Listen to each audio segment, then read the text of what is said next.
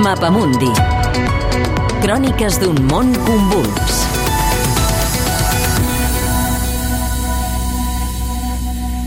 Made in Nacional. From this day forward, it's going to be only America first. America first.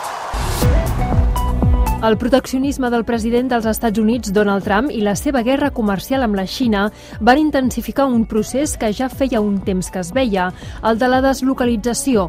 Empreses que havien marxat a produir a països amb mà d'obra barata tornaven a produir a casa, a països més propers.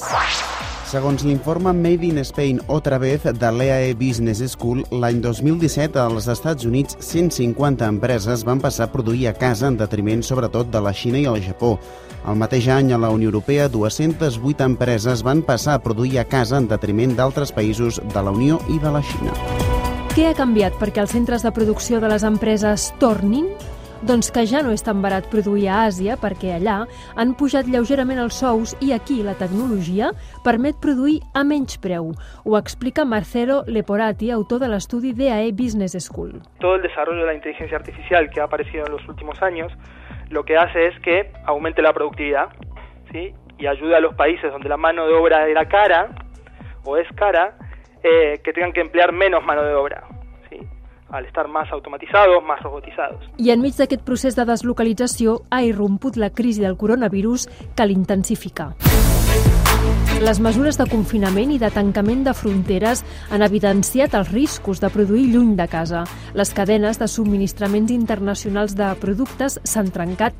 A més, s'ha vist que es depenia d'estats molt llunyans per tenir productes essencials. Sumados a los riesgos y a las complejidades que, que supone gestionar los centros productivos a 10.000 kilómetros de distancia son las razones principales para que este efecto se produzca ahora. Precisament els estats gestionen la crisi econòmica amb mesures que van en la línia de tornar a produir localment. Se subvencionen les empreses que es quedin a casa. Els Estats Units ha acordat una inversió milionària per estimular la fabricació de medicaments al país i no dependre d'altres com la Xina i l'Índia. El govern alemany ha decidit aprovar una llei proteccionista. D'aquesta manera, Alemanya vol optimitzar la protecció de la seva producció de vacunes, medicaments, tecnologia mèdica... Tot i que el replegament d'empreses també pot afectar-nos negativament. Com hem vist amb la japonesa Nissan, deixa Catalunya perquè es vol concentrar al Japó, la Xina i els Estats Units. Però la deslocalització no serà total. La Xina continuarà sent la fàbrica d'Europa.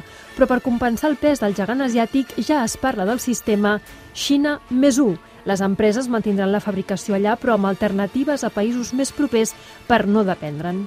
Amb aquesta crisi també s'han reduït els viatges entre països. Per això es parla de si es produirà un moviment que va més enllà de la deslocalització econòmica. Es produirà una desglobalització? Leporati considera que és massa d'hora per valorar-ho, però sí que creu que canviarà la situació. La globalización es algo, es una tendencia a muy largo plazo y, y, es, y está bien que ocurra, lo que no puede haber es tantos desequilibrios. ¿sí? Y, y, a lo mejor lo que nos ayudan este, esta tremenda pandemia que está sucediendo, ayuda desde el punto de vista de la cadena de suministro, es a hacer un, un equilibrio ¿sí? más entre las distintas regiones eh, en el comercio internacional. Sí. I quines seran les conseqüències polítiques de tot plegat? La globalització va impulsar partits d'extrema dreta que defensaven el que era local, el que era propi de casa, però amb la tornada d'empreses no es quedaran sense terreny. Segons el doctor en ciència política Toni Rodon, ho aprofitaran per una altra banda. El que aprofiten, sobretot, és una sensació de frustració d'una bona d'una part important de la ciutadania doncs, per fer-se forts eh, electoralment.